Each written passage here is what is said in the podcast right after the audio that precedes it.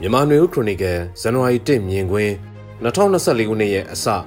NUG ရဲ့တရုတ်နဲ့ပတ်သက်တဲ့မူဝါဒတစ်စိတ်တစ်ပိုင်းရိုဟင်ဂျာဒုက္ခသည်အရေးဒေတာတွင်ပြဿနာဖြစ်လာ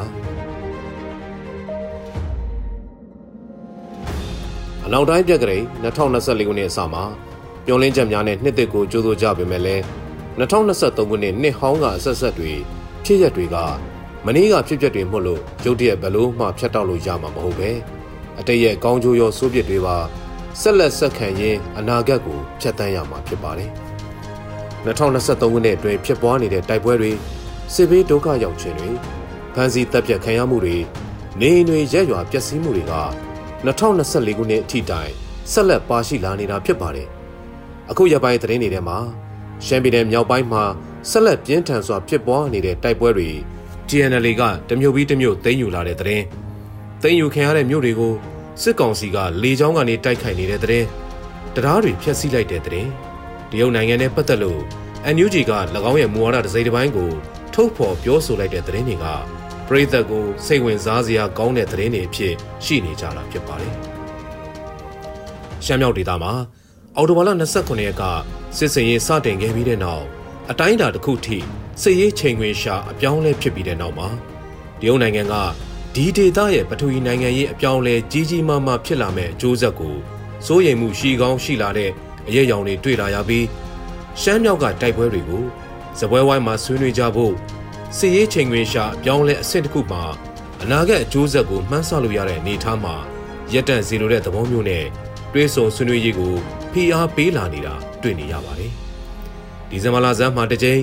လရဲ့တတိယပတ်မှာဒုတိယတစ်ကြိမ်တွဲဆုံဖို့ဖိအားပေးပြီး စစ်ကောင်စီနဲ့မြောက်ပိုင်းညီနောင်သုံးဘွဲ့ကိုတွဲဆုံဆွေးနွေးစေခဲ့တာဖြစ်ပါတယ်။ဒီဆွေးနွေးပွဲတွေကအပြည့်ရဖို့သဘောတူခဲ့တယ်လို့သတင်းတွေထွက်ပေါ်ခဲ့ပေမဲ့လည်းလက်တွေ့မှာတော့အပြည့်ရတဲ့လက္ခဏာမတွေ့ရပဲ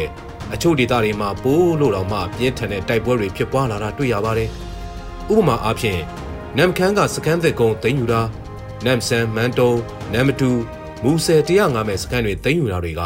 ဒီဇင်ဘာလထဲမှာဖြစ်ပွားခဲ့တာတွေဖြစ်ပါတယ်။ အခုရပိုင်းတွင်နောက်ဆုံးသိမ်းယူခဲ့တဲ့တိုက်နယ်မျိုးကကြောင်မဲမြို့နယ်တဲကမိုင်းငေါ့တိုက်နယ်မျိုးဖြစ်ပါတယ်။ DNL အနေနဲ့တိုက်နိုင်တုံးအောင်ပွဲရာတုံးမြို့တစ်မြို့ပြီးတစ်မြို့စစ်စခန်းတစ်ခုပြီးတစ်ခုသိမ်းယူထားဖို့ဆုံးဖြတ်ထားတာမျိုးဖြစ်ကောင်းဖြစ်နိုင်ပါတယ်။အပြည့်ရရေးဆွေးနွေးမှုတွေလုပ်ခဲ့ရင်တက်နေရခြားထားရေးဆိုတဲ့ခေါင်းစဉ်ကပါရှိစမြဲခေါင်းစဉ်ဖြစ်ပြီးတော့မိမိနေရာယူထားတဲ့နေရာအသာရအောင်သိမ်းယူနိုင်သလောက်အားနဲ့တိုက်ပြီးသိမ်းယူထားတာမျိုးလည်းဖြစ်ကောင်းဖြစ်ပါလိမ့်မယ်။ ရှမ်းမြောက်မှာစစ်ဌာနချုပ်အခြေစိုက်လာရှိုးမြို့နယ်ကုတ်ခိုင်းမူဆယ်နောင်ချိုကြောင်မဲစီဘောတို့လိုပြည်တော်စုလမ်းမကြီးပေါ်ကမြို့တွေသာကြန့်ရှိနေပြီးအဲ့ဒီလမ်းပေါ်ကမြို့တစ်မြို့ဖြစ်တဲ့သိန်းဒီမြို့ကို MNDAA ကဒွေမာလာကလေးကသိမ်းယူပြီးပြည်တော်စုလမ်းမကိုဖျက်တောက်ထားပြီးလည်းဖြစ်ပါတယ်။အခုလိုနေထားမှာတော့တရုတ်နိုင်ငံကရှမ်းမြောက်ကတိုက်ပွဲတွေရဲ့အကျိုးရလဒ်တွေပေါ်သရုပ်ခွဲတွက်ချက်ကြည့်နေမှာအသေးချာဖြစ်ပါတယ်။စီရေးချိန်ခွင်ရှာအပြောင်းလဲ စစ်ကောင်စီမဟုတ်တဲ့တိုင်းသားလက်နက်ကိုင်ဖွဲ့တွေကြားဆက်ဆံရေး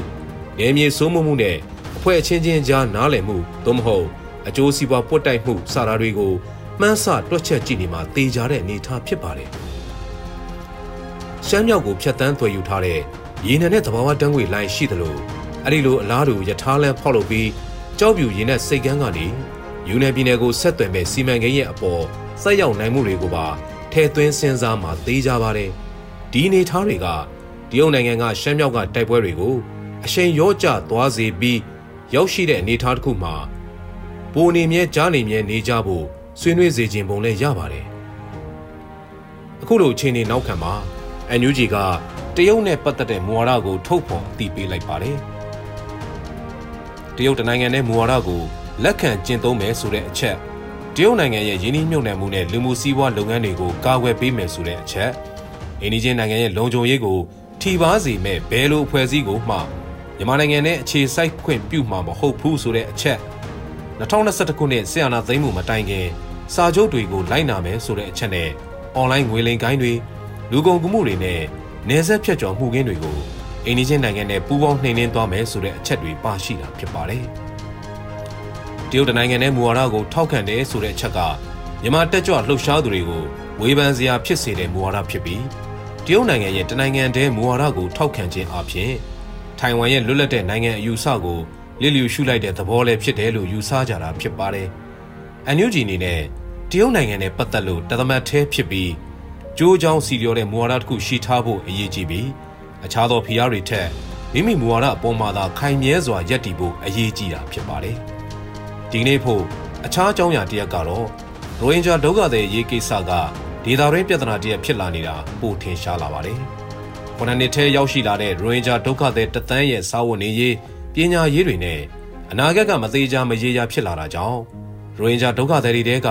ထောင်သောချီတဲ့သူတွေနှစ်စဉ်နှစ်တိုင်းမုတ်တုံရာသီကုံဆုံးလာတဲ့ဘင်္ဂလားပင်လယ်အော်ကနေအက်ဒမန်ပင်လယ်အတိုင်းတောင်ဘက်ကိုရေချောင်းနဲ့စုံစင်းကြပြီးမလေးရှားနဲ့အင်ဒိုနီးရှားနိုင်ငံတွေစီခိုလုံဖို့တွားရောက်ကြတာဖြစ်ပါတယ်။ လီဒစည်းမှာလူ300 400ကနေ900ကျော်ထိစီးနှင်ကြပြီးအသက်အန္တရာယ်ကြားတွေကစွန့်စားပြီးတွားရောက်ကြတာဖြစ်ပါတယ်။မလေးရှားနိုင်ငံကိုကုန်းလန်းရေလန်းကဝင်ရောက်ခါဒုက္ခသည်အဖြစ်အတိမတ်ပြုဖို့ကြိုးစားကြတာတတိယနိုင်ငံကိုခိုလုံတွားရောက်ချဖို့ကြိုးစားကြတာတွေကပြီးခဲ့တဲ့နှစ်တော်ကြာကြာကလေးကဖြစ်ပွားနေခဲ့တာပါခုနှစ်ပိုင်းမှာတော့အင်ဒိုနီးရှားနိုင်ငံကရိုဟင်ဂျာဒုက္ခသည်များအတွက်ရီမန်းချက်နိုင်ငံတနိုင်ငံဖြစ်လာပြီး လေတွေနဲ့အင်ဒိုနီးရှားနိုင်ငံအာချေးပြည်နယ်ကိုစိုက်ကက်ရောက်ရှိကြရာကအခုရက်ပိုင်းတွေမှာတော့ဒုက္ခသည်တွေကိုလက်မခံဖို့အာချေးဒေသခံတွေရဲ့စန့်ကျင်မှုတွေနဲ့ကြုံတွေ့နေရသလိုလေတစည်းကိုပင်လယ်ထဲပြန်လဲမောင်းထုတ်ခဲ့တာကိုလည်းသတင်းထဲမှာဖတ်ရှုရပါတယ်မြန်မာနိုင်ငံရခိုင်ပြည်နယ်က